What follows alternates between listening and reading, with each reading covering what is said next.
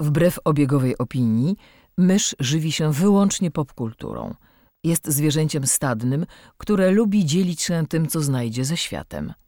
Jej naturalnym sposobem komunikacji jest przerywany śmiechem słowotok. Słuchacie podcastu Myszmasz.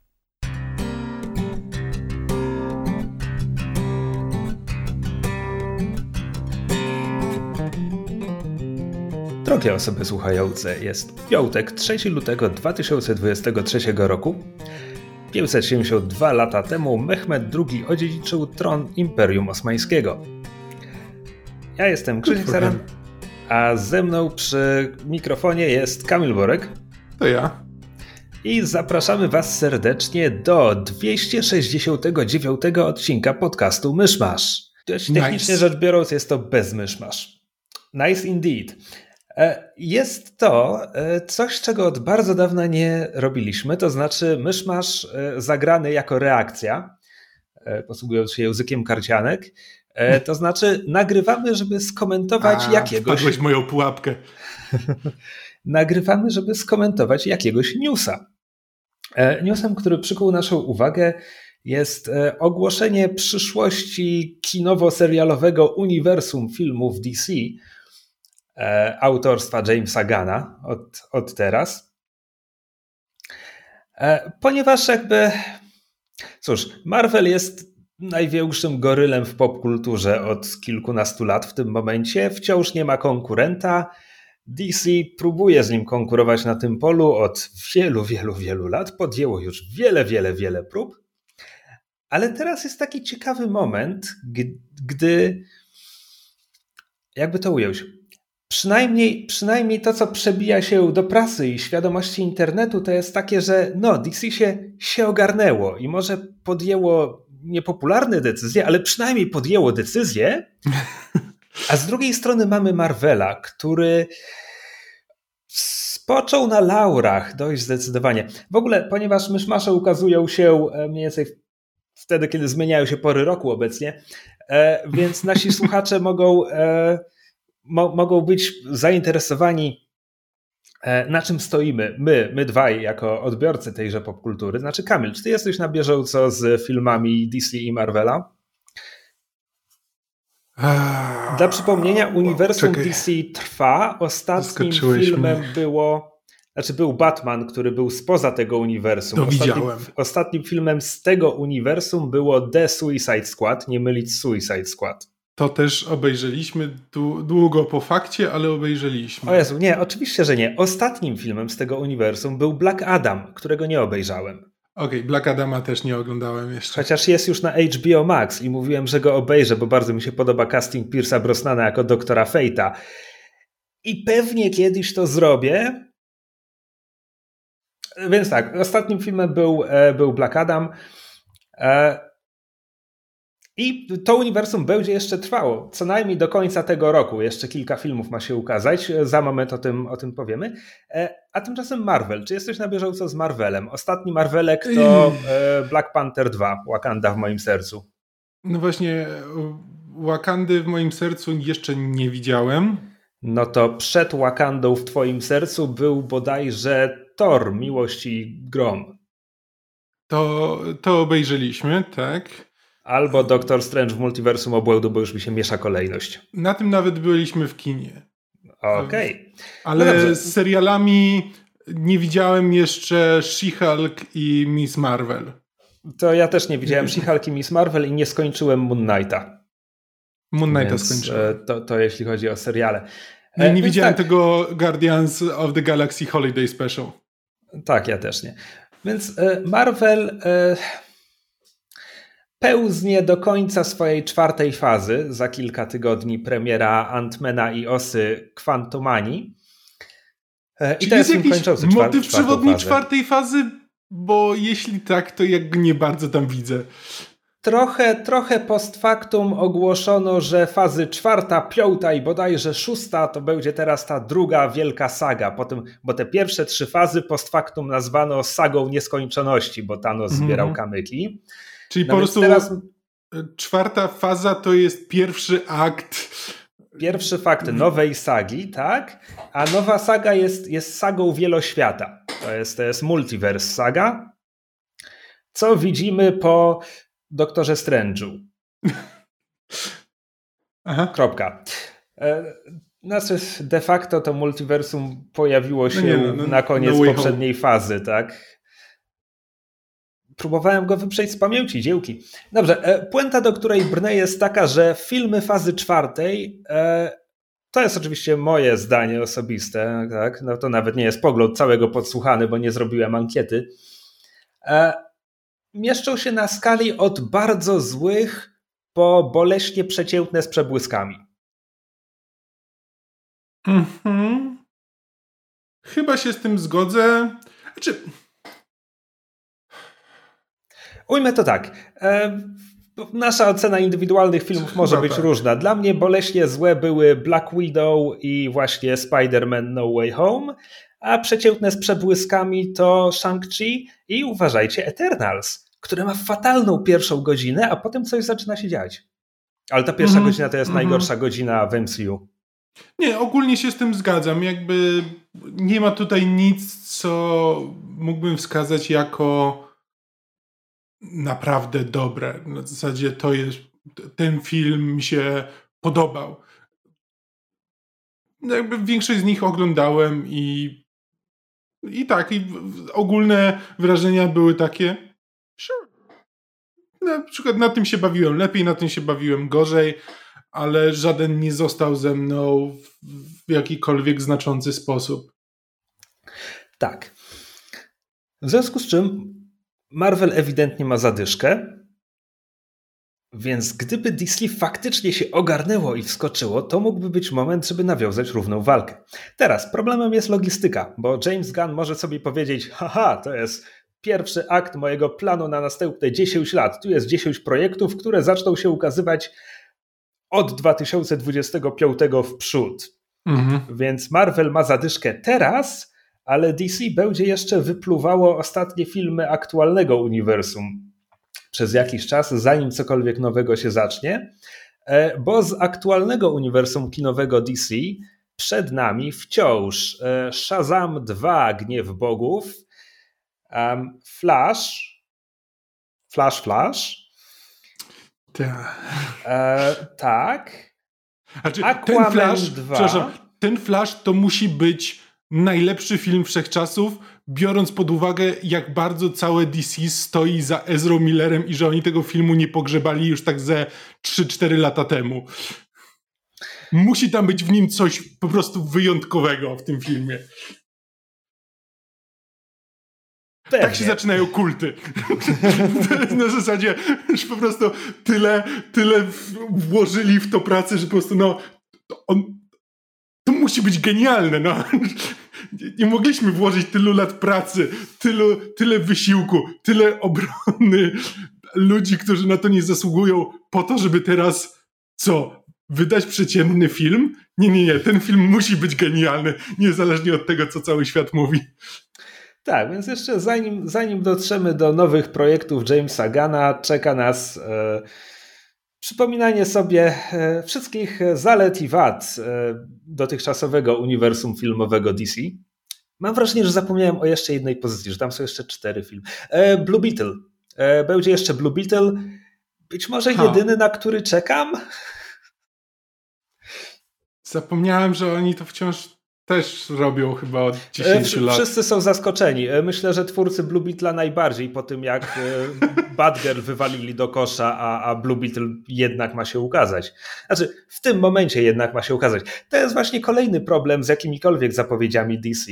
Raz, że oni wielokrotnie zapowiadali kilkanaście filmów naprzód. Pamiętasz, kiedy Cyborg miał dostać własny film? Ja pamiętam. Żeby potem je anulować po drodze, albo, jak w kuriozalnym przypadku Batgirl, po fakcie. Więc mhm. cokolwiek teraz powie James Gunn, jeśli powinie mu się noga na którymkolwiek etapie, powiedzmy z tych pierwszych pięciu filmów, to ja sobie myślę, że pan Zaslaw mu powie spadaj na drzewo. Znaczy, jestem tego bardzo ciekaw, bo to jest. Znaczy, to, to, to już wiele osób jakby stwierdziło, że i sporo osób podejrzewa, że te wszystkie zapowiedzi są trochę bardziej taką wizją niż autentycznym planem. Że... Znaczy, dodajmy, bo myszmasza mogą słuchać ludzie, którzy nie siedzą w tym bagnie tak głęboko jak my. Kiedy mówię pan Zaslaw, jest to obecny dyrektor wykonawczy, e, który zasadniczo przejął Warner Bros. Warner Brothers zostało wykupione przez koncern Discovery bodajże. Nie wiem, jak to się stało do I, dzisiaj. I on po tej, po tej fuzji tnie koszty. E, cięcie kosztów oznaczało odpisanie Batgirl od podatku, dlatego nikt nigdy nie może zobaczyć tego filmu. E, oznaczało anulowanie masy projektów, w tym seriali, które były całkiem popularne. Mm. Zwłaszcza seriali animowanych. E, zwłaszcza seriali animowanych. Wywalenie rzeczy z HBO Max i to wywalenie ich w niebyt, przynajmniej na razie. W sensie, że nie ma ich już na HBO Max i nigdzie ich nie ma. Znaczy, ja w ogóle w pewnym momencie były w ogóle pogłoski, że e, ten e, Peacemaker ma wylecieć z HBO Max wciąż tam jest i jakby według planów Gana jest częścią e, tego uniwersum, które on planuje, więc jakby e, nie wiem, ale po prostu fascynuje mnie, co tam się dzieje za kulisami. E, tak, jestem pewien, że za 10 lat powstanie o tym bardzo ciekawa książka. tak, no zanim przejdziemy do konkretnych projektów sygnowanych przez Gana, to taka ogólna wizja jest, przyświeca mu on, on chce pokazać światu spójność, że DC, że ich uniwersum jest teraz spójne, czemu służyć ma na przykład e, zachowywanie aktorów w rolach niezależnie od formatu. W związku z czym aktorzy grający pewne role mają się pojawiać niezależnie od tego, czy ta postać będzie w filmie, serialu, serialu animowanym, a nawet uważaj grze komputerowej. Mhm. E, Jestem ciekaw, jak mu to wyjdzie.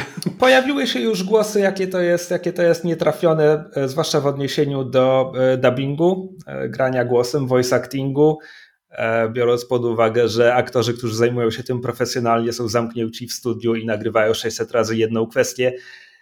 I trochę trudno uwierzyć, żeby Pattinsona dało się zamknąć w studiu, żeby 600 razy powtórzył jakąś kwestię mm. jako Batman.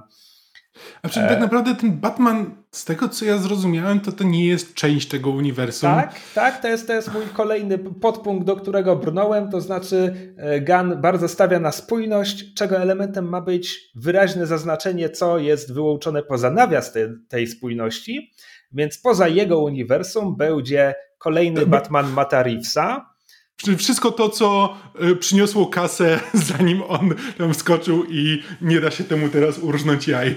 Tak, więc Batman ma Reevesa, który będzie miał drugą część kiedyś. Zakładam również, że serial Pingwin z Colinem Farelem, który jest z tego uniwersum, też musi być e, poza jego nawiasem.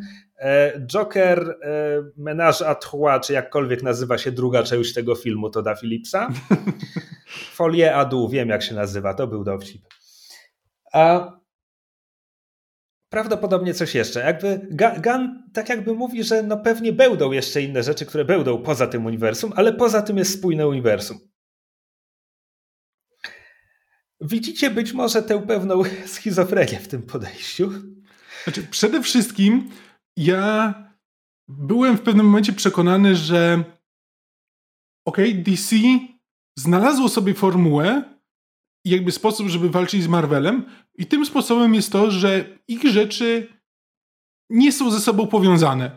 Tak. Że po prostu mogą robić historie z dowolnych, jakby różne historie superbohaterskie w różnych gatunkach, nie musząc wszystkiego zmiksować, w, zmiksować tak jak Marvel, gdzie nawet jeśli masz jakąś zabawę gatunkiem, to ona wciąż musi się wpasować w uniwersum. Tak, oczywiście, bo to była strategia DC, tylko to była strategia za poprzedniego kierownika.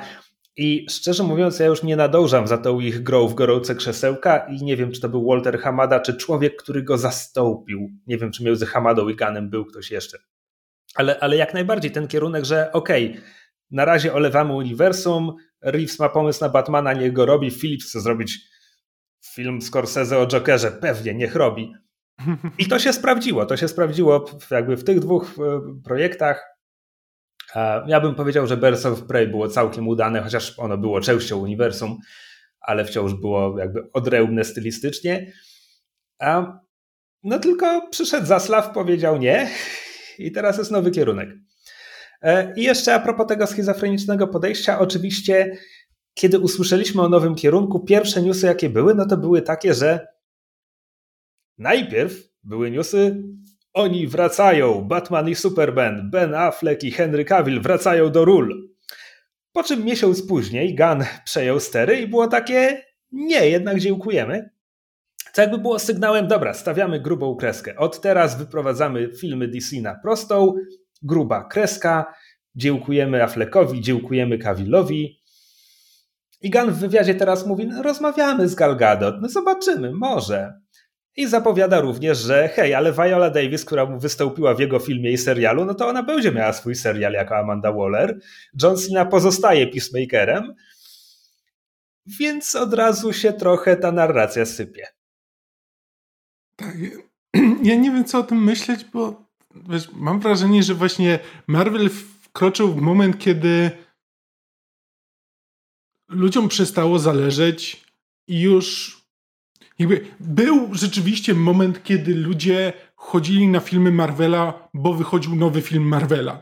I jakby to jest kolejna część tej telenoweli, więc nawet jeśli cię nie interesuje konkretny bohater, idziesz do kina, bo inaczej nie będziesz wiedział o co chodzi w następnym filmie. Znaczy tak, to, to, co, to, co, było wadą, to co było wadą filmów Marvela jako dzieł sztuki, e, było zaletą e, marketingowo marketingową, to znaczy to był serial kinowy.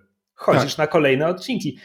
I kiedy był finał tego sezonu, czyli nastąpiło, nastąpił endgame, to potem Marvel się potknął na tym, że zaczęła się faza czwarta i nie sprzedał nowej narracji, czemu teraz trzeba zahaczać te kolejne filmy. Zresztą te filmy z czwartej fazy, one były bardzo odrębne od siebie. E, co jakby z jednej strony plus, bo próbowały, każdy z nich próbował robić coś nowego, znaczy nowego, że tak powiem, Swojego, no. tak, no nie były pod dyktando jakiejś metanarracji, tylko że dyktando metanarracji było tym, co zapełniało siedzenia w kinach. Mhm. Tak, ale już mam wrażenie, że ludzie tego nie kupują do tego stopnia. Już jakby dużo więcej osób widzę, które znaczy, już nie mówiąc o, o mnie, gdzie jakby no, nie widziałem jeszcze Wakandy, w pewnym momencie obejrzę, ale obejrzałem Tora zanim obejrzałem Wakandę, bo, bo właściwie nie ma to znaczenia. Seriali...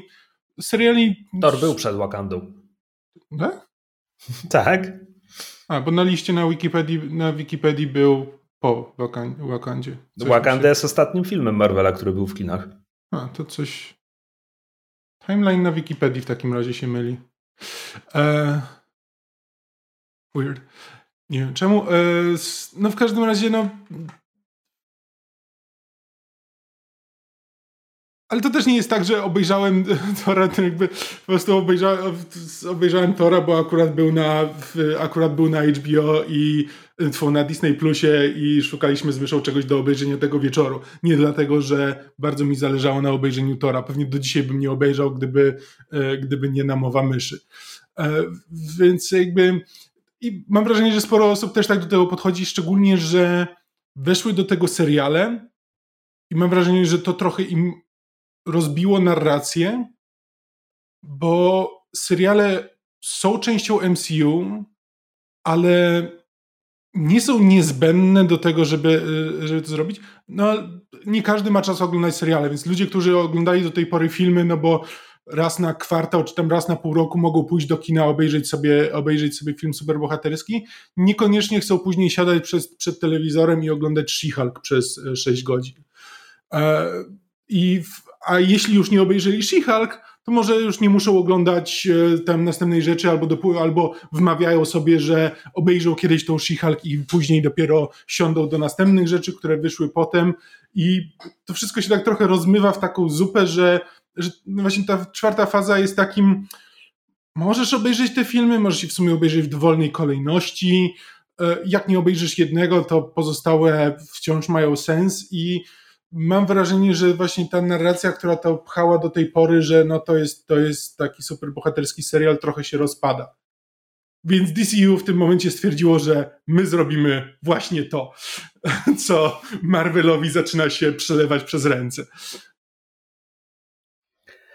No dobra, czy chcemy sobie po kolei omówić zapowiedziane e, produkcję? Ja bardzo chętnie, bo potrzebuję e, Twojej ekspertyzy. Wiem, że DC nie jest, e, że tak powiem, Twoim polem ekspertyzy, ale prawdopodobnie i tak wiesz więcej ode mnie, więc. Prawdopodobnie, ale nie ukrywam, że ja się w DC gubię. No ale dobrze. Mm. Zapowiedziane przez Jamesa Gana pozycje to najbliżej, najwyraźniej jest serial animowany Creature Commandos, który pojawi się na HBO Maxie. E, udostępniono z niego jedną klatkę prezentującą, obs znaczy nie obsadę, postaci, które, które zobaczymy w tym serialu.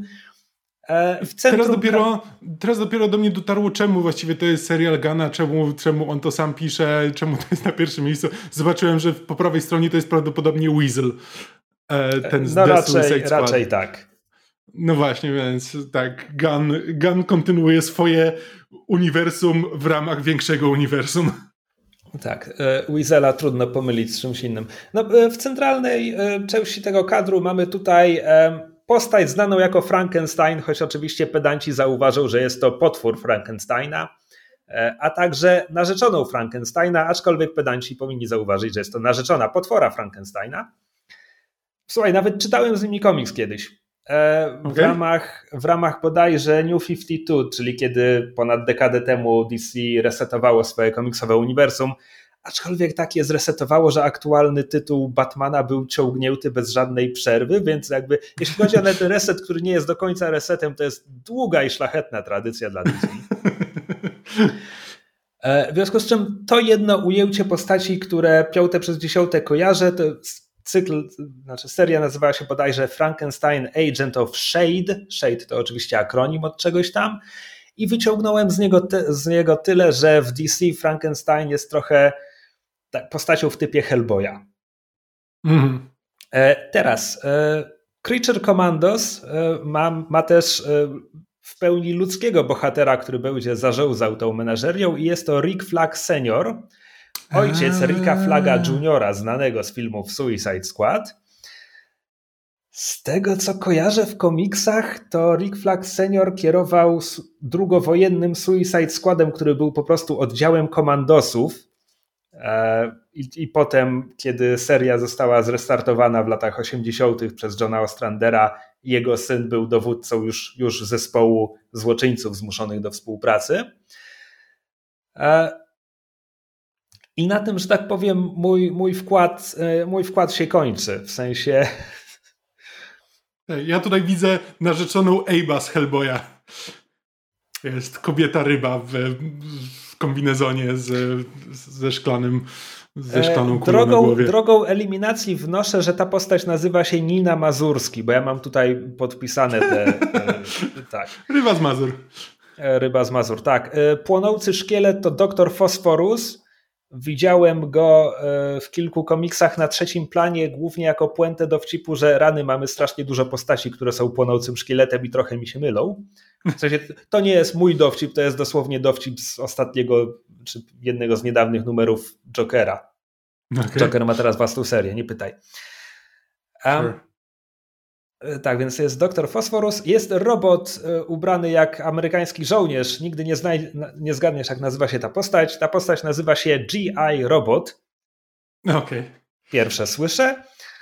A także Weasel z filmu The Suicide Squad. Słuchaj, stylizowana animacja o czymś w rodzaju Hellboya z potworem Frankensteina? Pewnie. No to nie, może wyjść. Jakby jestem, jestem ciekaw, jakby nie wiem, czy to, co pokazali na tym rysunku, to jest, to ma być docelowy styl animacji. E, ma być, to znaczy przynajmniej IO9 twierdzi, że to jest autentyczna klatka z serialu w ogóle, a nie rysunek koncepcyjny. Więc tak, jest to dziwna grupka postaci, która dostanie swój serial animowany i pewnie to może wyjść.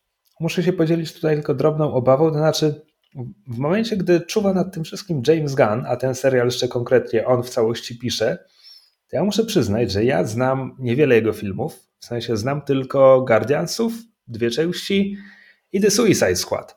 I z tych trzech filmów lubię jeden. E, I są to pierwsi hmm. Guardiansi, a jednocześnie lubię go z ogromnym Asterixem, znaczy bardzo go lubię jako film, nie cierpię tego, co robi z komiksowymi postaciami, które do, nie, do tego filmu wziął. E, więc, że tak powiem, to jest, to jest to, co myślę o Ganie i dlatego wszystkie te zapowiedzi, jakby mam na uwadze to. No właśnie. Znaczy, tak, jestem też bardzo ciekaw, bo. Abso absolutnie. Przepraszam, mów. Nie, po prostu chodzi mi o to, że Gunn już próbował zrobić swoją wersję Supermana w tym Brightburnie. Ja tego nie widziałem. Ten film Brightburn, który miał być horrorem o chłopaku z mocami jak Superman ale wszystkie opinie były eh, mieszane do złych. Więc e,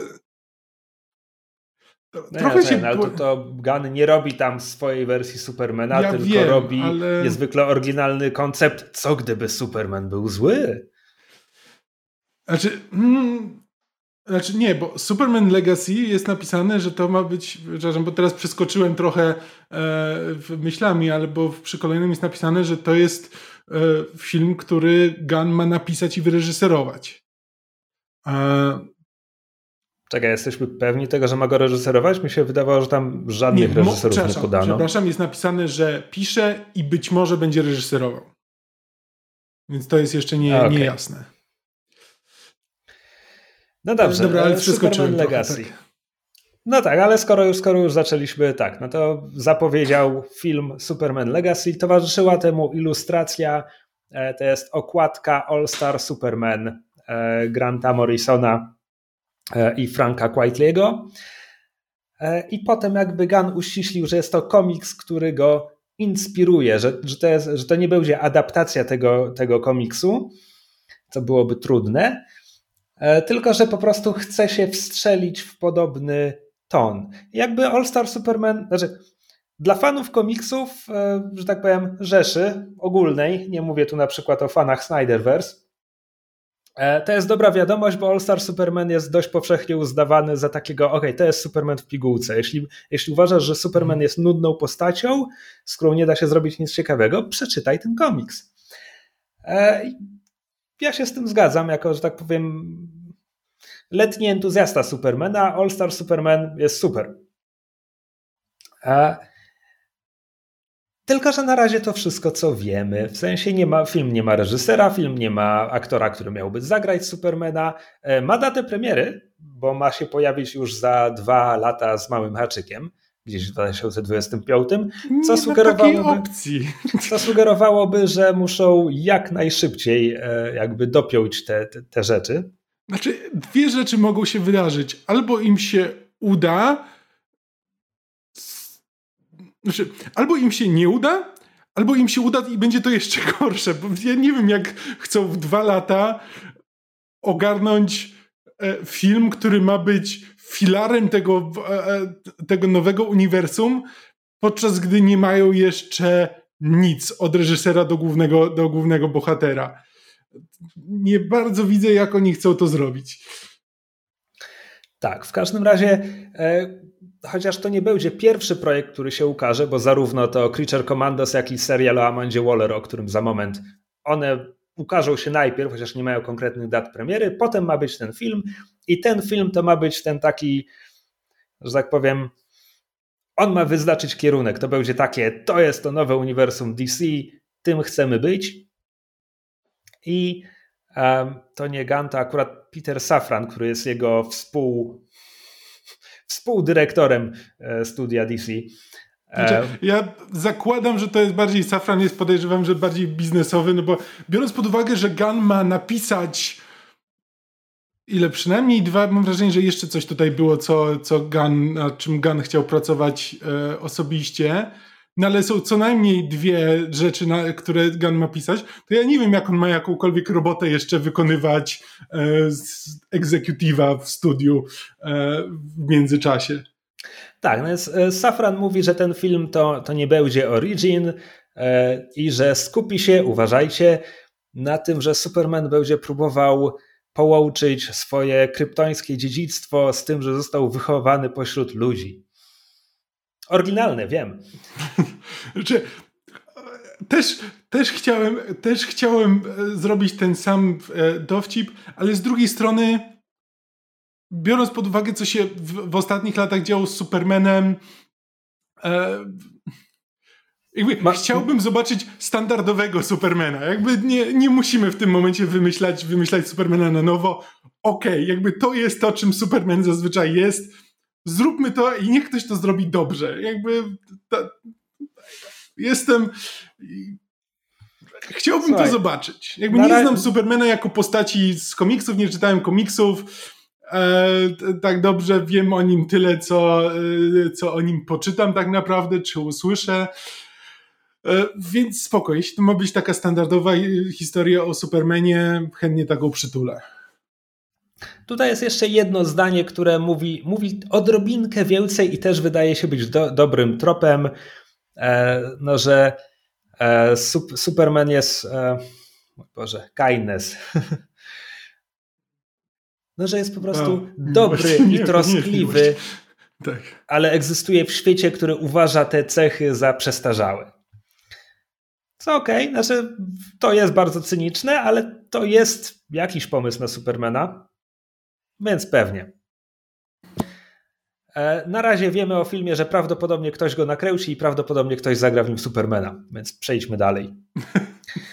E, przejdźmy dalej, a raczej cofnijmy się, bo serial Waller ma ukazać się przed tym Supermanem i będzie to serial o Amandzie Waller, zagrany przez Viola Davis, która wcieliła się w tę postać już w dwóch Suicide Składach i chyba w Peacemakerze też się pojawia. Znaczy, tak, bo to nawet jest ujęte w artykule, jest, że to ma być spin-off serialu Peacemaker. To nie jest to, że to jest spin-off Suicide Squadu, to jest spin-off Peacemakera konkretnie. A tak, tutaj widzę adnotację, że akcja Waller będzie się toczyła między pierwszym i drugim sezonem Peacemakera. Gunn jeszcze nie napisał scenariusza do drugiego sezonu Peacemakera. Czyli tak, Peacemaker też jest kontynuowany najwyraźniej w nowym uniwersum. E, tutaj są dopisani do tego twórcy e, Crystal Henry i Jeremy Carver. E, którzy mają za sobą Watchmenów i Doom Patrola. Doom Patrol. To są, to są dla mnie dobre kwalifikacje. Jakby Doom Patrol jest bardzo fajny. E, w sensie, nie, nie, że wspólnie, jakby to są dwa tak. projekty, które robili osobno. Jakby ci serialowi Watchmeni byli spoko, mieli swoje problemy, ale ogólnie interesujący, e, interesujące podejście, jakby przynajmniej widać, że ktoś miał pomysł na zrobienie serial o Watchmenach inny niż potrzebujemy serialu o Watchmenach. E, natomiast Doom Patrol też jest bardzo, bardzo fajnym serialem, który jakby wy, wybija się, e, że tak powiem, na tle superbohaterskiej historii. Jakby jest, znaczy ma ten taki klimat trochę rodem nie, chciałem to powiedzieć, że z boysów, ale to tak naprawdę nie jest prawda. No ale to jest to takie łamanie czwartej ściany momentami um, i bardzo często bywa celowo dziwny, ale mimo wszystko postaci wydają się prawdziwe i, y, i autentycznie zależy nam na postaciach, a nie tylko na, y, a nie skupia się tylko na akcji. Okej, okay, więc ja popełniłem pewne nadużycie, a raczej powtórzyłem je za IO9, więc uściślę, że Crystal Henry napisała jeden odcinek Watchmenów. Hmm. Okej. Okay. Ciekawy, który w takim razie. A już nie sprawdzę, bo zamknąłem zakładkę. E, dobra, no i jakby serial będzie o Amandzie e... Waller. Amanda Waller jest świetną postacią, która moim zdaniem była dobrze przeniesiona na ekran tylko w serialach animowanych z lat 90., bo poza tym e, zbyt często zostaje spłaszczona do roli po prostu antagonistki, a to nie jest to. W sensie, no to, jest, to jest aspekt tej postaci, ale to nie jest, to nie jest cała Amanda. Czy ja w ogóle co do Amandy, to nie wiem, jakby w żadnym, w żadnym jej ujęciu znaczy w filmach ani oglądałem Peacemakera i prawdę mówiąc kompletnie nie pamiętam w ogóle, czy Amanda Waller tam była na dłużej niż e, jakieś drobne cameo. E, więc ta postać zupełnie nie zrobiła na mnie wrażenia znaczy, w tych filmach. to tak, Amanda Waller z The Suicide Squad, która, spoiler, e, posyła całą drużynę na śmierć tylko po to, żeby odwrócić uwagę e, dla drugiej drużyny, to jest do przesady, to jest do absurdalnej przesady w porównaniu z Amandą, którą znam z komiksów, tak? Ale hej, no, takie są prawa adaptacji. E, ponieważ jakby The Suicide Squad mi się podobał bardzo średnio, Peacemakera nie widziałem, więc ten serial mnie szczerze mówiąc po prostu nie interesuje. Przejdźmy My się dalej. na Peacemakerze bardzo dobrze bawiliśmy, więc jakby hmm, może. Okej. Okay. E, kolejny zapowiedziany projekt to Lanterns, e, serial aktorski dla HBO Max, który ma się skupić na parze zielonych latarni, e, Halu Jordanie i Johnie Stewarcie, czyli tych dwóch, których ludzie kojarzą. To oryginalnie miał być serial Grega Berlantiego, tylko że został skasowany i na to miejsce wskrzesili zombie które, które robi, nie wiem właściwie kto.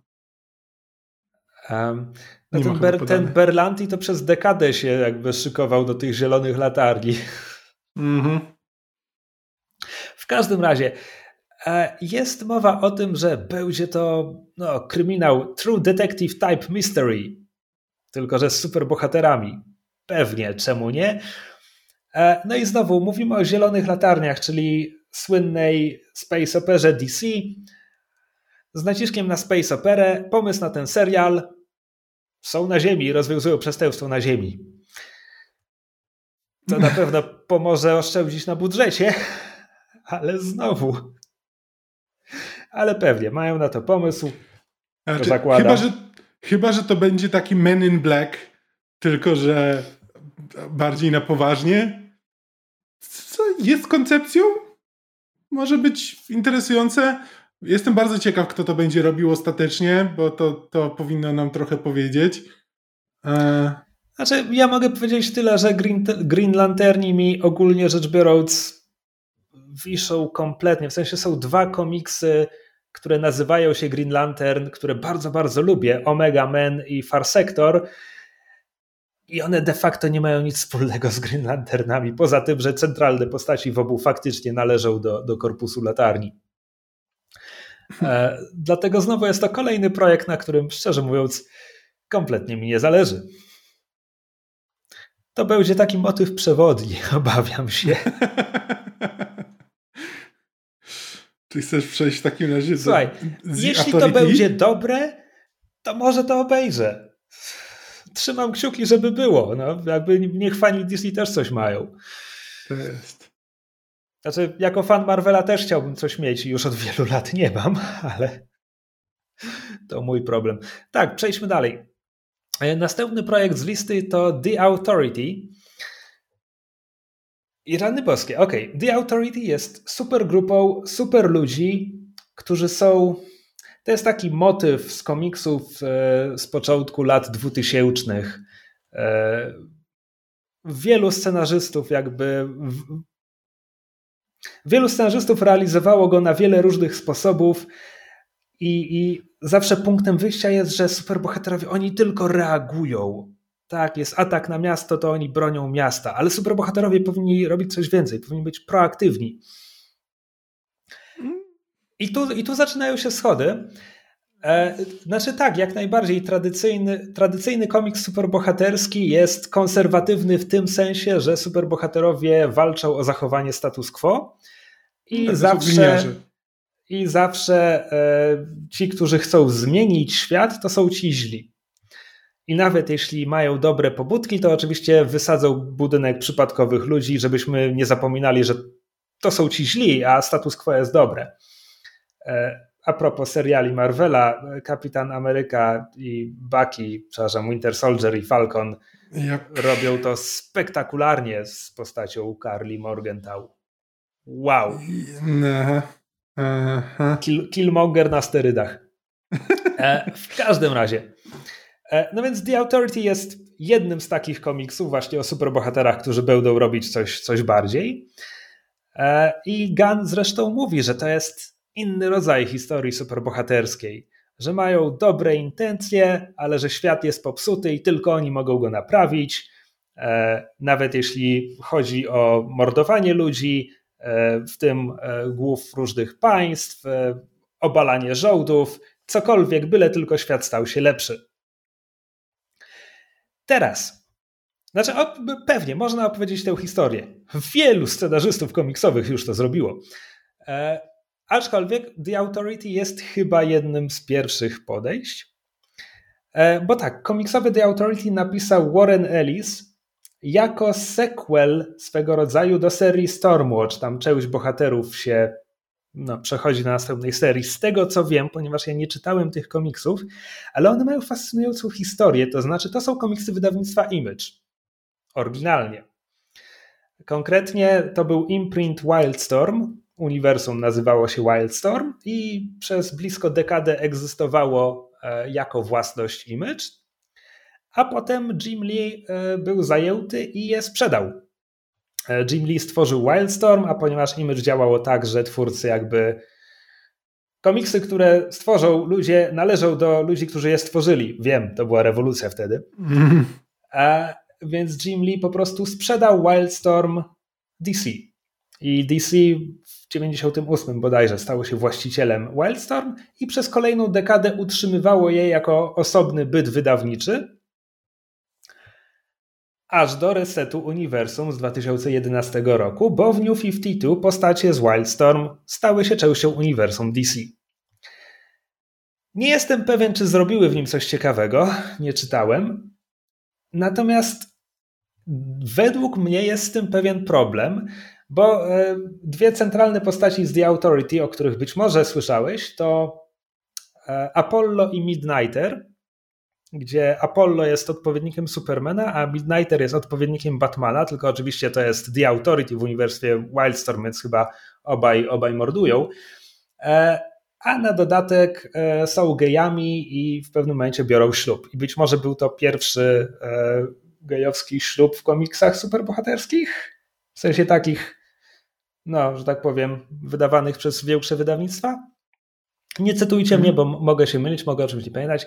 W każdym razie, to było duże, no bo to jest, wiesz, to jest Superman tego uniwersum i Batman tego uniwersum. Ale kiedy oni są częścią uniwersum DC, to już nie są najpotężniejszym bohaterem i najgroźniejszym skurczybykiem, tylko są kolejnym Supermanem i kolejnym Batmanem, tylko że trochę bardziej morderczymi. I dla mnie to jest słabszy koncept wtedy. Znaczy, to jest o tyle. a że The Boys już to robią. I robią to z problemami, ale nieźle. Znaczy, autentycznie, jakby przynajmniej angażując się jakby w tematykę, którą, e, którą zarysowują. Jakby The Boys jest serialem specyficznym, e, humor na 100% nie każdemu podpasuje, potrafią, potrafią chodzić w... Poczekaj, ale kiedy mówisz, że kiedy mówisz, że już to robią, masz na myśli, że mają superbohaterów, którzy mordują? No bo boysi nie zajmują się obalaniem żołdów, żeby poprawić świat. Y, Boh superbohaterowie w uniwersum boysów potrafią się tym zajmować. No dobra, tylko że to są e... super złoczyńcy w uniwersum boysów. Nie, nie, nie. E, jest autentycznie jakby jednym z częścią historii e, Soldier Boya jest, e, jest przewrót w, gdzieś w Ameryce Południowej. Jakby uczestniczenie w tym przewrocie, gdzie brał też udział Black Noir bodajże. Jakby to nie jest tak, że te, w tym momencie jakby, okej, okay, jakby nie skupiają się znaczy, na tym. Ja nie widziałem obecnie, trzeciego sezonu, więc jakby. Ale, ale jakby jest to poruszane, że, że jakby mają taką możliwość i że jakby no jest tak, to wisi ale, nad tym ale, ale o, to, o to mi chodzi, że jakby element historii jednej z postaci to nie jest, że tak naprawdę okay. boysi realizują tę historię.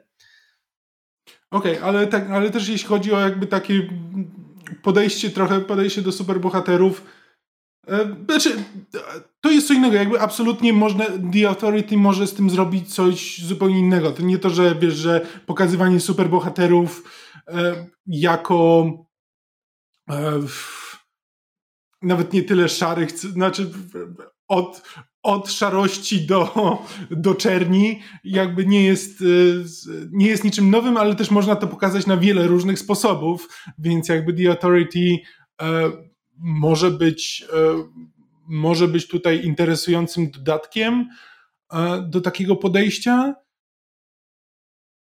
Tylko, że właśnie mam, mam nadzieję, że nie będzie bezpośrednio konkurowało z boysami albo próbowało zżynać ich stylu i tak dalej. Chciałbym, żeby to było, żeby zrobili z tego własną historię. Znaczy, z, z, całym, z całym szacunkiem, ale przypomina mi się trochę ten, ten tweet, e, człowiek, który widzi swój drugi film po Boss Baby. Spoko. To mi przypomina Boss Baby. Masz, masz prawdopodobnie pełną rację. E, jakby ja The Authority nie znam, więc tylko jakby tak wiesz, czytam po prostu cytaty z Gana, e, które po prostu, że mówią, że no, że DCU to nie jest tylko historia bohaterów i złoczyńców, e, nie wszystko musi być o dobrych kontra złych,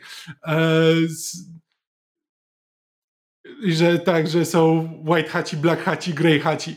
Jakby czytając te, te cytaty, jakby, ty mi tutaj powiedziałeś dużo więcej na temat e, tego, czym jest The Authority, niż jakby to, co w tym momencie wiemy, wiemy od, e, od Gana.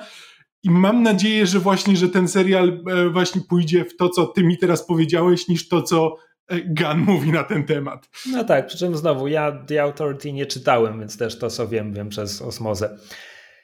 Przejdźmy dalej. Serial Paradise Lost. E, aktorski docelowo ma być na HBO Maxie i ma to być coś o Amazonkach na rajskiej wyspie Temiskerze. Kropka. Tak. Znaczy, nie... Gun, Gun mówi, że ma, ma to być historia tego, jak ta społeczność na tej wyspie powstała, skąd się wzięła, po czym mówi, ale co to znaczy? jak, jakie były ich przekonania polityczne, jakie zasady rządziły wyspą, kto nimi rządził. No i że to ma być w stylu gry o tron. Pewnie. Mhm. DC zrobiło już serial w stylu gry o tron o rodach na Krypton. Nazywał się Krypton i ktoś go wow. prawdopodobnie obejrzał. To hmm. nie byłem ja. Nie. Znaczy, to, to, jest taki, to jest taki temat na serial, który ja po prostu patrzę na... Tak, czy to musi być w uniwersum DC? I nie ma żadnego dobrego powodu, żeby było w tej DC, tak tylko słuchając jakby ogólnego. Jakby ja prawdopodobnie oglądając ten serial nie znajdę tam wiele powiązań, jakby nie, nie będzie tam nic dla mnie, jako takiego casualowego fana DC. To nie jest to, że to jest serial o Wonder Woman czy o początkach Wonder Woman.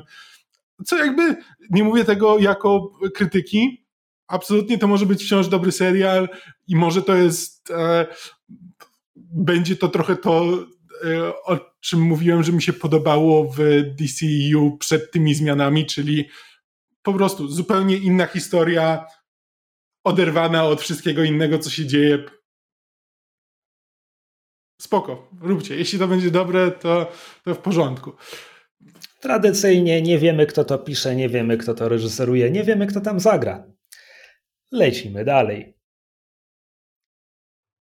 Okej. Okay. tak, to jest The Brave and the Bold, film kinowy i to będzie debiut Batmana tego nowego uniwersum.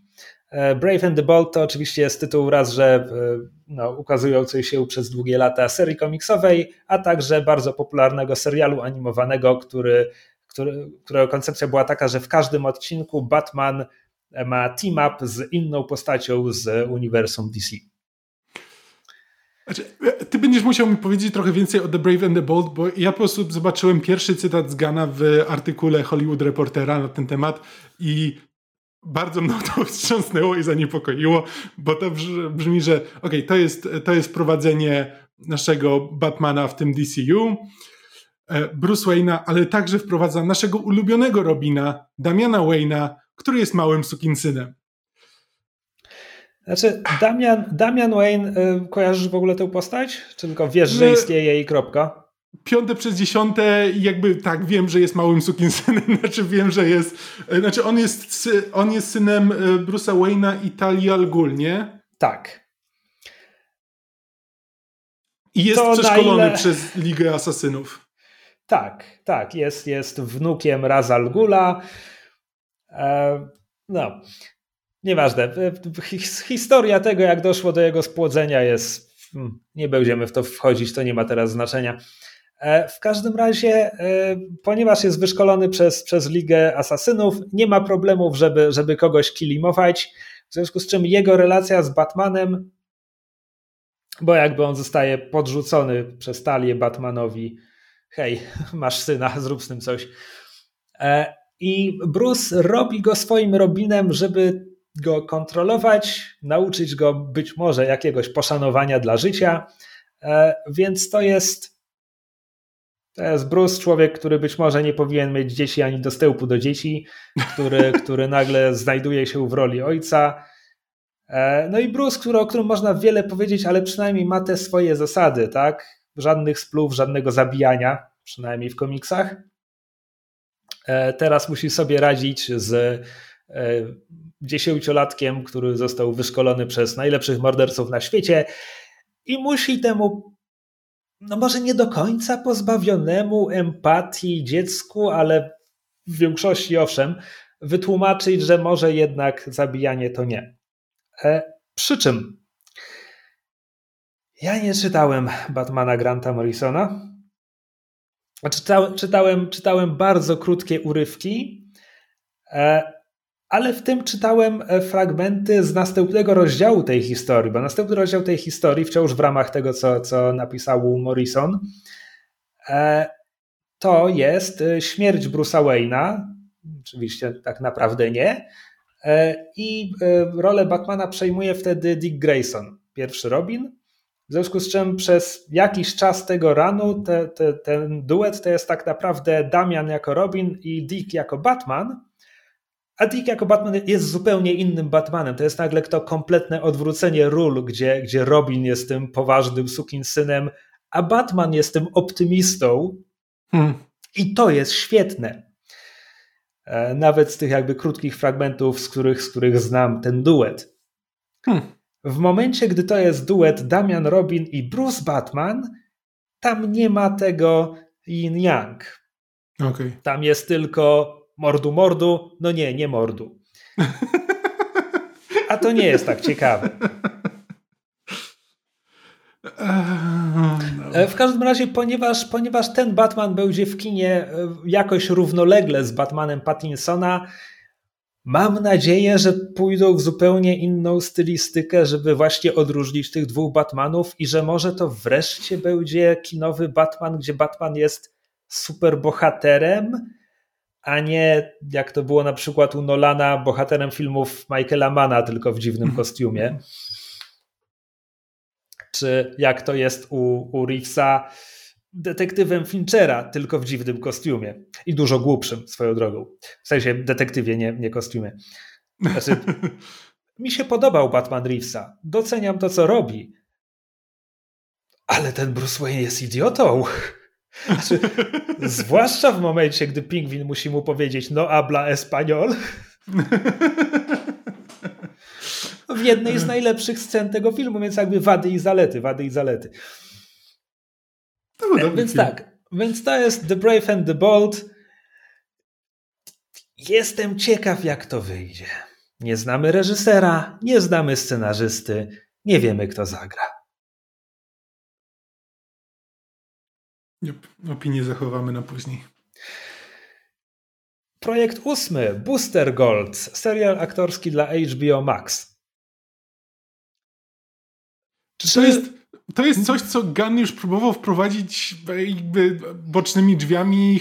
E, znaczy nie, nie wprowadzić Boostera Golda jako ten, ale w którymś, w którymś chyba Suicide Squadzie jest plakat z z, booster, z boosterem, czy ja to sobie przyśniłem teraz? Mam wrażenie, że była. Mo- Gun bardzo chciał Nathana Filiona jako, jako booster Golda gdzieś. Miesza ci się. Miesza ci się. W Marvelu e, była. Wydaje mi się, że Nathan Fillion pojawia się na plakacie w Guardiansach Galaktyki 2, Piękna Płaszczyzna. Shit, tak, I tam jest Simonem Williamsem. To znaczy to jest aktor, który zostaje superbohaterem ksywa Wonderman w Marvelu. A, w Wonder, dobra. tak. w, Suicide Squadzie przecież Nathan Fillion On występuje grał. jako tak, tak. Fallout tak. Boy. Tak, Fall, jak, jak zacząłem o tym mówić. Out, Fallout, Arm Boy, jakkolwiek, odpadają mu ręce. Tak, tak, tak, tak, tak, tak. E, pomyliłem dwie rzeczy. E, no ale tak, ale to znaczy, znaczy, teraz jest już za późno trochę na Filiona chyba w tej Filion, roli. Filion był fankastowany jako, jako Booster Gold bardzo, bardzo długo i tak, jest już na to na raczej za długo, późno. Że już trochę za późno, tak. Tak. E, Booster Gold jest e, sympatycznym, znaczy na ile sympatycznym to zależy od wersji postaci. On jest zasadniczo przegrywem, a przynajmniej on ma poczucie, że jest przegrywem w roku pańskim 3000, w związku z czym e, kradnie trochę sprzętu z Muzeum Superbohaterów i cofa się do naszej teraźniejszości, żeby zostać superbohaterem, żeby być kochany i uwielbiany, ponieważ ma technologię, ma wiedzę o historii, to znaczy ma robota, który ma wiedzę o historii, bo on sam jest trochę idiotą. Znowu, jak bardzo jest idiotą, zależy od konkretnej wersji, konkretnego komiksu. E, no i jak mówiłem, to, to na ile jest szczery w tych intencjach, a na ile jest tylko po to, żeby wyrywać laski i, i zarabiać na, na reklamowaniu napojów energetycznych, to znowu zależy od wersji. Ja go znam hmm. przede wszystkim z bardzo udanego odcinka Justice League Unlimited. E, I przewinął się przez jakieś komiksy, które czytałem, ale nie będę mówił, że go znam z komiksu. Znaczy, jeśli jednym z komiksów, który, z którego znam jest Heroes in Crisis, to naprawdę nie mogę powiedzieć, żebym znał jakąkolwiek postać, która tam wystąpiła. To dowcip dla ludzi, którzy cierpią przez komiksy DC. Mhm. Uh, znaczy tak, Gunn to opisuje jako imposter syndrome, czyli syndrom oszusta, jako superbohater. No i okej, okay jest to, jest to jakieś, jakieś podejście do superbohaterów znowu, które może być, może być ciekawie zrobione. Pewnie. Jeśli... jeśli to będzie dobrze napisane, jeśli tak, to będzie dokładnie. dobrze zagrane, to może być bardzo fajny serial. Nie znamy scenarzystów, showrunnera ani aktora, który zagra główną rolę. Ja.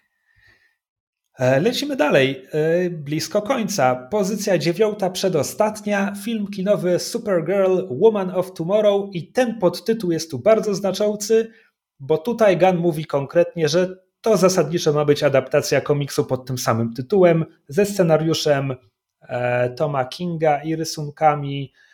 O mój Boże, ta rysowniczka ma dziwne imię. E, zaraz, zaraz to znajdę. E, w każdym razie,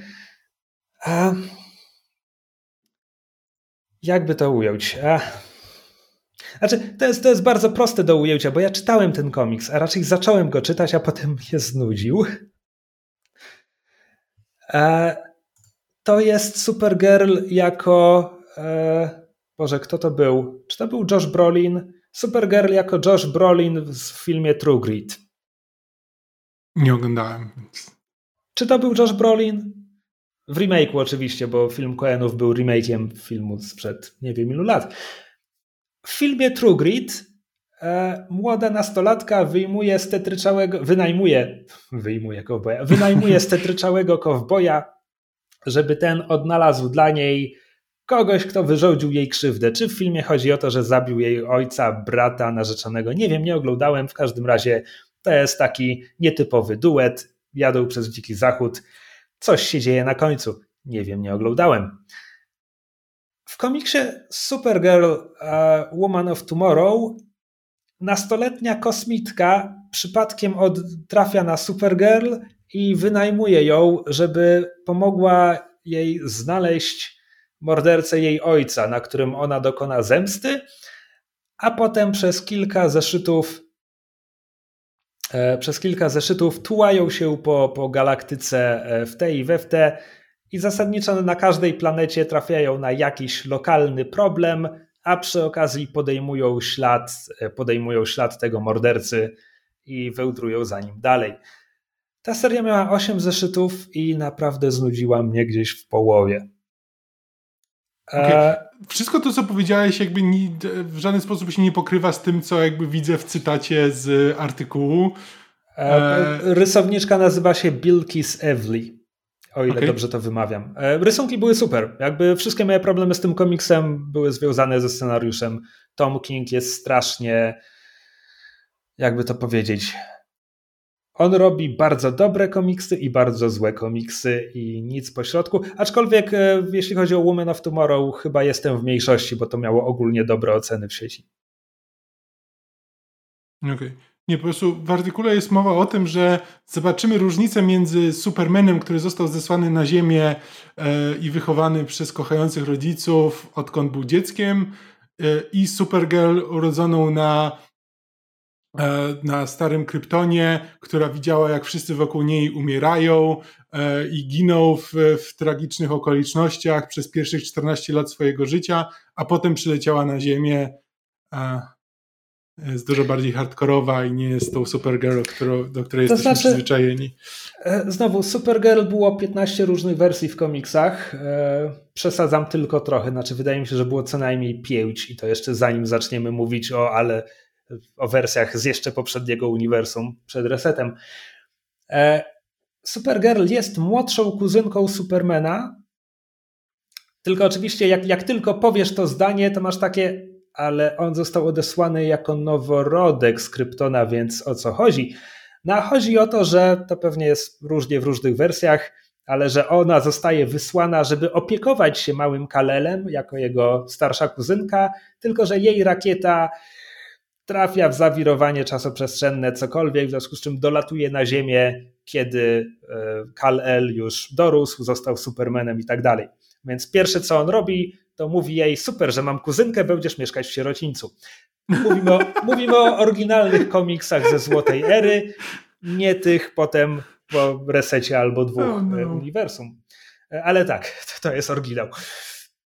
W każdym razie, więc potem faktycznie ta różnica między nimi jest taka, że Superman jest ostatnim dzieckiem Kryptonu od pierwszego tygodnia życia wychowywany w Kansas.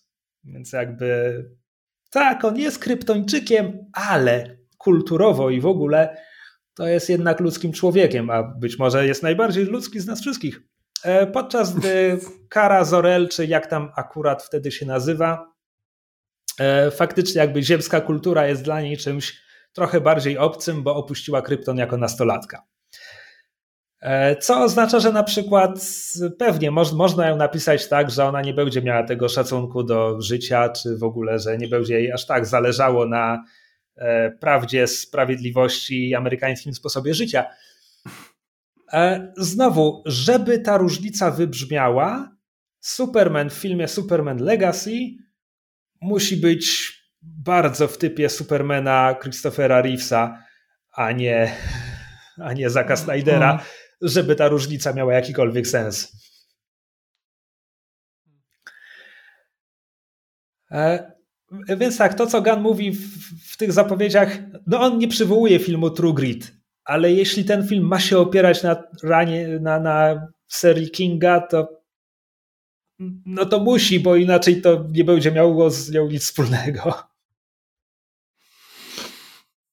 Znaczy to jest, to jest inna rzecz, która, którą już widziałem jakby na Twitterze przynajmniej od dwóch twórców. Niestety nie, nie zapisałem sobie, kto, kto to był, ale widziałem przynajmniej dwóch twórców, do których jakby do których twórczości Gunn się odwoływał w tym ogłoszeniu, którzy nie mieli żadnego pojęcia o tym, jakie są plany DC, więc to jest takie, wiesz, no, DC... No ale nie, no to, to ja to rozumiem, jakby to, że to, że Gunn mówi, że inspiruje mnie ten komiks, to nie ja znaczy, rozumiem. że poszedłem... De...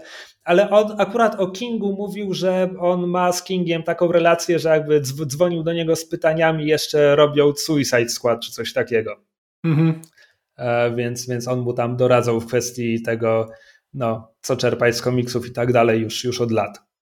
Tak, tylko to jest po prostu takie typowe dla jakby właśnie tak w tym momencie e, jakby Marvel robi dokładnie to samo, że jakby bierze, bierze jakby pomysły od swoich twórców, którzy jakby nie mają z tego absolutnie nic poza satysfakcją, że przysłużyli się Disneyowi, czy w tym wypadku Warnerowi. Tak. E, I ostatni ostatni projekt, dziesiąty z tej dziesiątki, film kinowy Swamp Thing. To Swamp też jest coś, co mam wrażenie. You make my heart sing. Słuchaj, e... słuchaj, ty myślisz, że ja żartuję? A to była piosenka z intro, ponieważ Swamp Thing był już realizowany wielokrotnie. E... Swamp Thing był A? między innymi filmem z 1982 roku, który miał sequel, był serialem aktorskim z 1990, był serialem animowanym z 1991, a także był serialem aktorskim z 2019. Wcale niedawno. Skasowany po jednym sezonie. Rzeczywiście. E, I tak jeden z tych projektów miał jako swoją piosenkę w czołówce przeróbkę piosenki Wild Thing. Okay. Z tylko wow. trochę zmienionym tekstem. Możecie znaleźć na YouTubie. E, Swamp Thing, e, bagno, które chodzi jak człowiek, to oczywiście naukowiec Alec Holland, który wpada w bagno z jakimś tam serum, albo bagno jest magiczne i umiera, ale ożywa. A potem jest przychodzi... kapitanem planetu, który zabija, nie? I... Nie? Znaczy, potem, potem w ogóle przychodzi Alan Moore, który jest tutaj wskazany przez Gana jako główna inspiracja i on pisze sagę o potworze z bagien i pierwsze co robi to mówi, że Swamp Thing tak naprawdę jest bagnem, które tylko myśli, że jest Alekiem Hollandem, bo on po prostu zmarł, a, a bagno przejęło trochę jego wspomnień. E, I chyba to już Alan Moore łączy Swamp Thinga z zielenią. The Green to jest tak jakby siła natury w uniwersum DC. E, ja nie czytałem sagi o potworze z bagien Alana Mura, aczkolwiek to tam debiutuje John Constantine, więc pewnie warto. E, choćby dlatego. Znaczy, to jest podobno bardzo dobry komiks, więc pewnie dlatego również. Czytałem natomiast niedawną serię pisaną przez Rama V, która jest bardzo sympatycznym horrorem e, i, i z tego, co się orientuje, ona właśnie, że tak powiem, współczesny Swamp Thing bardzo idzie w stronę mm, mistycznej części świata DC. Więc on jest tym reprezentantem zieleni, żywego, naturalnego świata, co nie oznacza, że jest kapitanem planetą, jest po prostu siłą życia i rozkładu. Mhm.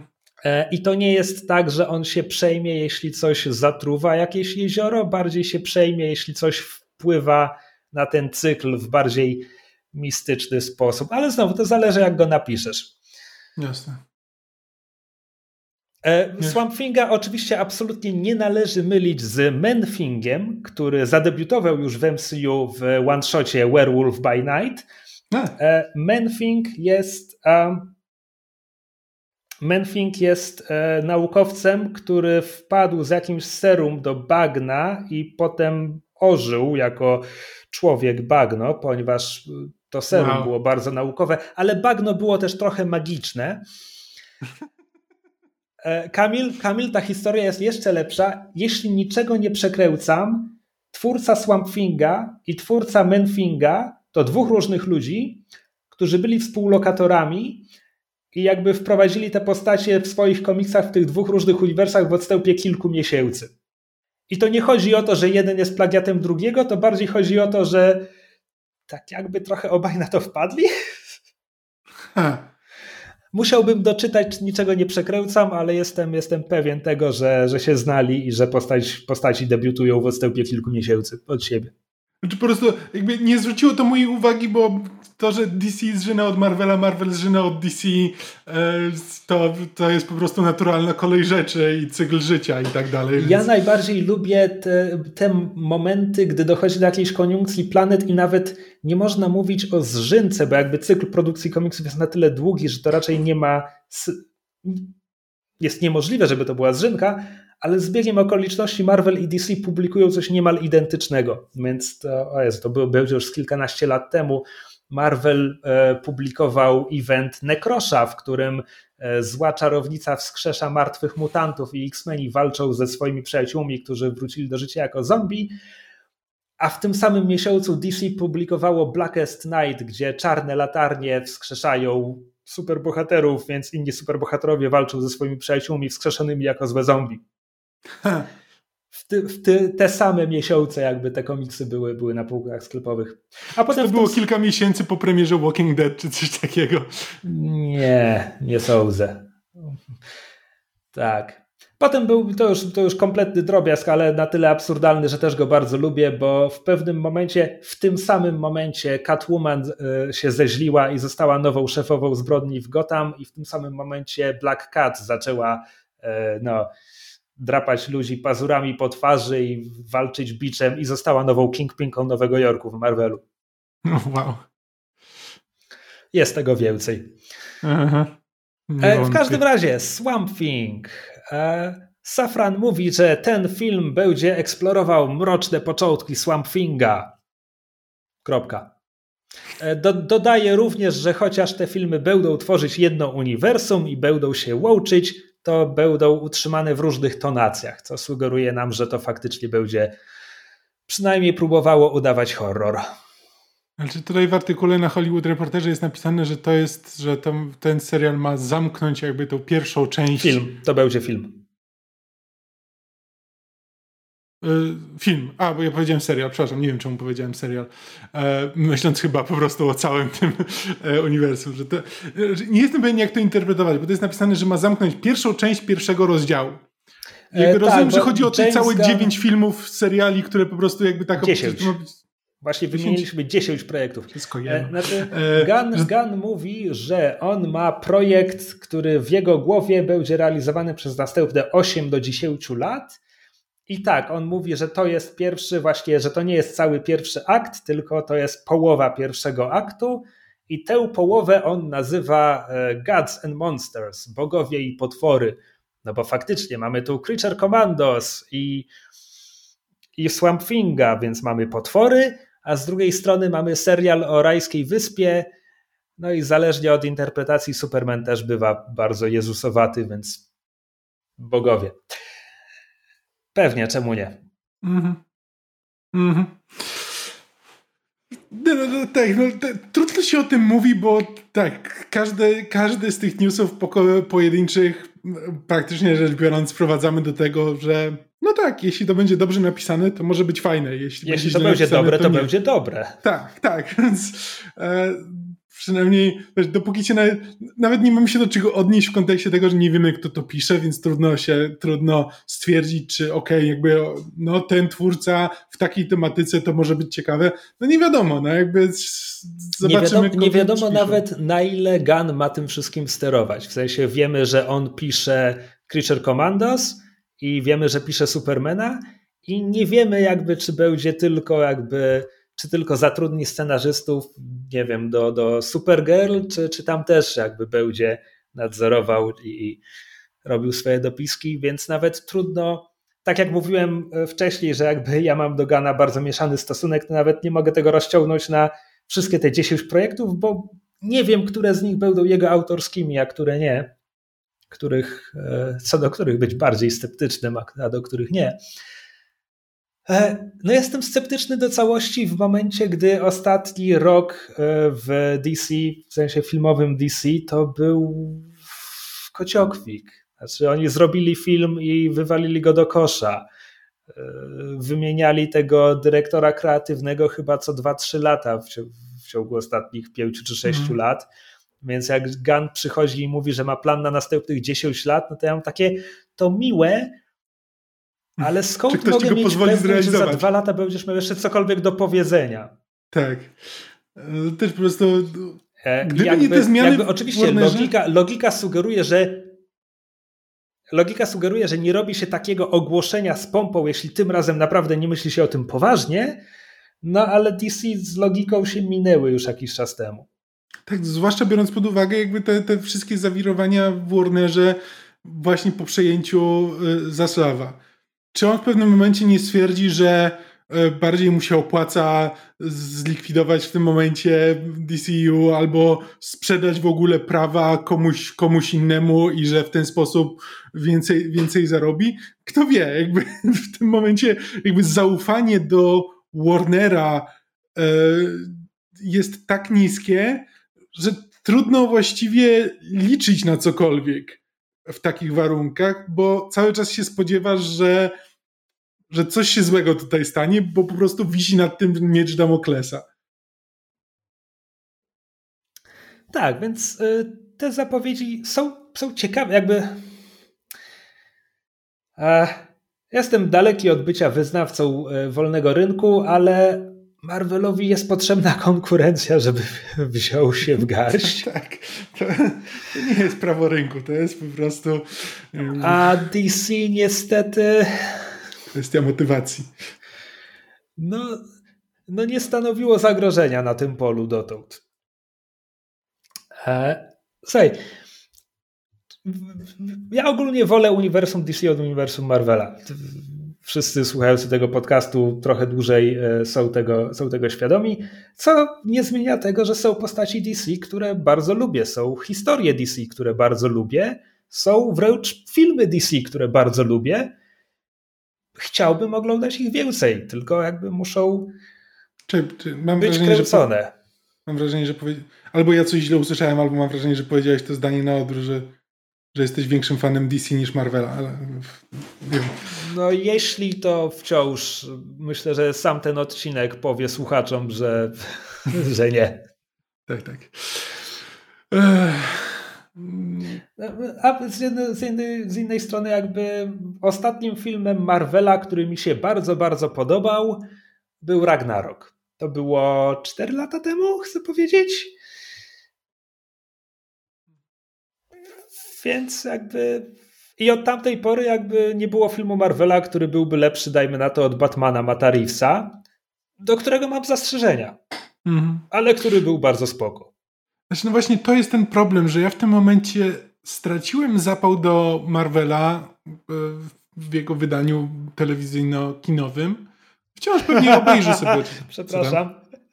No, no, no. Czymże jest czas? Thor Ragnarok jest z 2017. 6 lat Uf. temu. Uf. Uf, więc tak, więc jakby od 6 lat Marvel nie zrobił filmu, który by mi się jakoś szczególnie spodobał. Właśnie do mnie dotarło, czemu mi się zdawało, że Love and Thunder jest e, z, po Wakandzie Forever, bo to, co widzę na Wikipedii, to jest timeline uniwersum, nie timeline filmów. Oczywiście. E, nieważne, w każdym razie e, tak, mój zapał do, do Marvela osłabł, Natomiast to spowodowało, że właśnie ta, ta huśtawka się wychyliła na drugą stronę, bo przynajmniej DC robiło coś innego.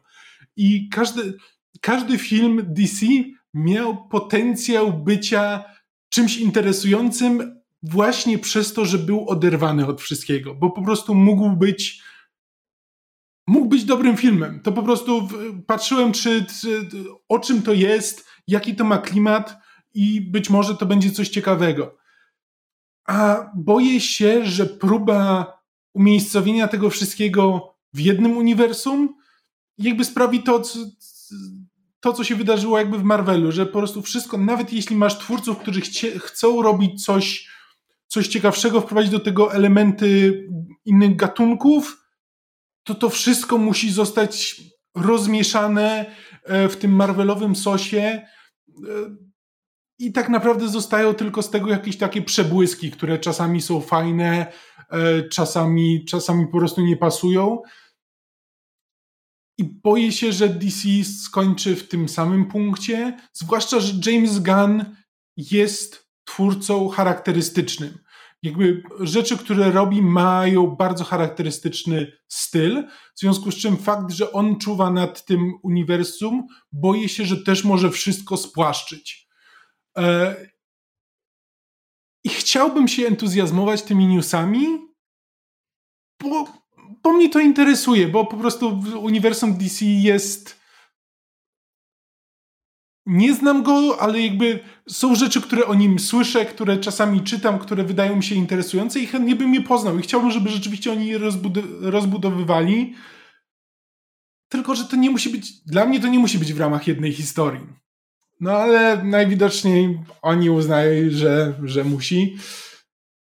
No i zobaczymy, co z tego wyjdzie. Tylko, że po prostu osłabia mój entuzjazm trochę. I tym optymistycznym akcentem e, zakończymy ten odcinek Myszmarza. Dajcie nam znać w komentarzach, co wy o tym wszystkim myślicie, na które z tych projektów czekacie, jeśli na którekolwiek. E, naprostujcie wszystkie e, błędy, które, które popełniłem mówiąc o komiksach DC, bo jestem pewien, że przekręciłem rzeczy. E, I tyle. Do usłyszenia w następnym odcinku Myszmasza, który ukaże się prawdopodobnie jeszcze w tym roku. Nie, czekaj, czekaj, czekaj, czekaj. Jeśli ten odcinek ukaże się dzisiaj, to bardzo ważną informacją jest, że wciąż możecie licytować odcinek Myszmasza na Wielką Orkiestrę Świątecznej Pomocy. Licytacja trwa bodajże do 7 lutego, czyli zostało kilka dni i kiedy ostatni raz sprawdzałem, ktoś oferuje 469 zł, żeby zlecić nam temat. Teraz. Nice. A, trochę się wstydzę wyjść teraz do Was i powiedzieć: dajcie pół tysiąca i nagramy Wam podcast, ale to jest na walkę z sepsą.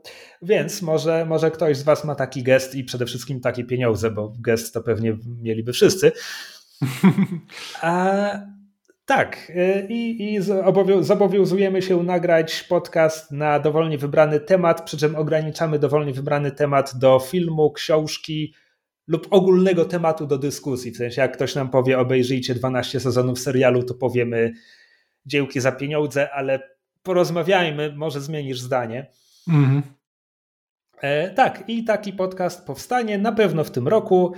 E, więcej nie obiecujemy, aczkolwiek możemy zasugerować, że tym razem się trochę sprzężymy i będzie to szybciej niż poprzedni myszmasz wośpowy. Znaczy, tym razem okoliczności są trochę bardziej sprzyjające, e, więc jest szansa, że, że uda nam się, e, nam się wszystkim zebrać łatwiej niż, niż w zeszłym roku. A okay. nie, nie ma tyle roboty, co... co... Okej, okay, dobra, tak, tak, tak. O, uff, uff. Myślałem, że chcesz coś na maksa zrzucić, czy coś, to bym się oburzył. nie, nie, nie. nie. E, dobra. Wcze wcześniej musieliśmy to wszystko wokół, zorganizować jakoś wokół e, grafiku e, trójki freelancerów, dwóch osób na etacie i to się nie chciało sprzęt e, w żaden sposób. Tak, dobra. E, no, koniec, koniec tego, koniec tego kajania się. E, więc tak, Licytacja trwa, możecie to znaleźć po prostu googlając myszmasz Allegro Wośp i powinno wam wyskoczyć. Wrzucaliśmy też linki na fanpage podsłuchane.pl na Facebooku i na profil podsłuchane.pl na Twitterze, e, który jakimś cudem jeszcze działa, w sensie Twitter, nie że nasz profil. A... Ja może spróbuję zaraz szybko zrobić jeszcze jakiś link. E, spróbujcie wejść na podsłuchane.pl ukośnik e, WOŚP, znaczy WOSP nie, nie, nie przez eś, bo to internet. E, I jeśli nie zapomnę i jeśli wszystko się uda, to ten link powinien działać. Super. I to już naprawdę wszystko. E, do usłyszenia w jakiejś przyszłości. Cześć. Na razie.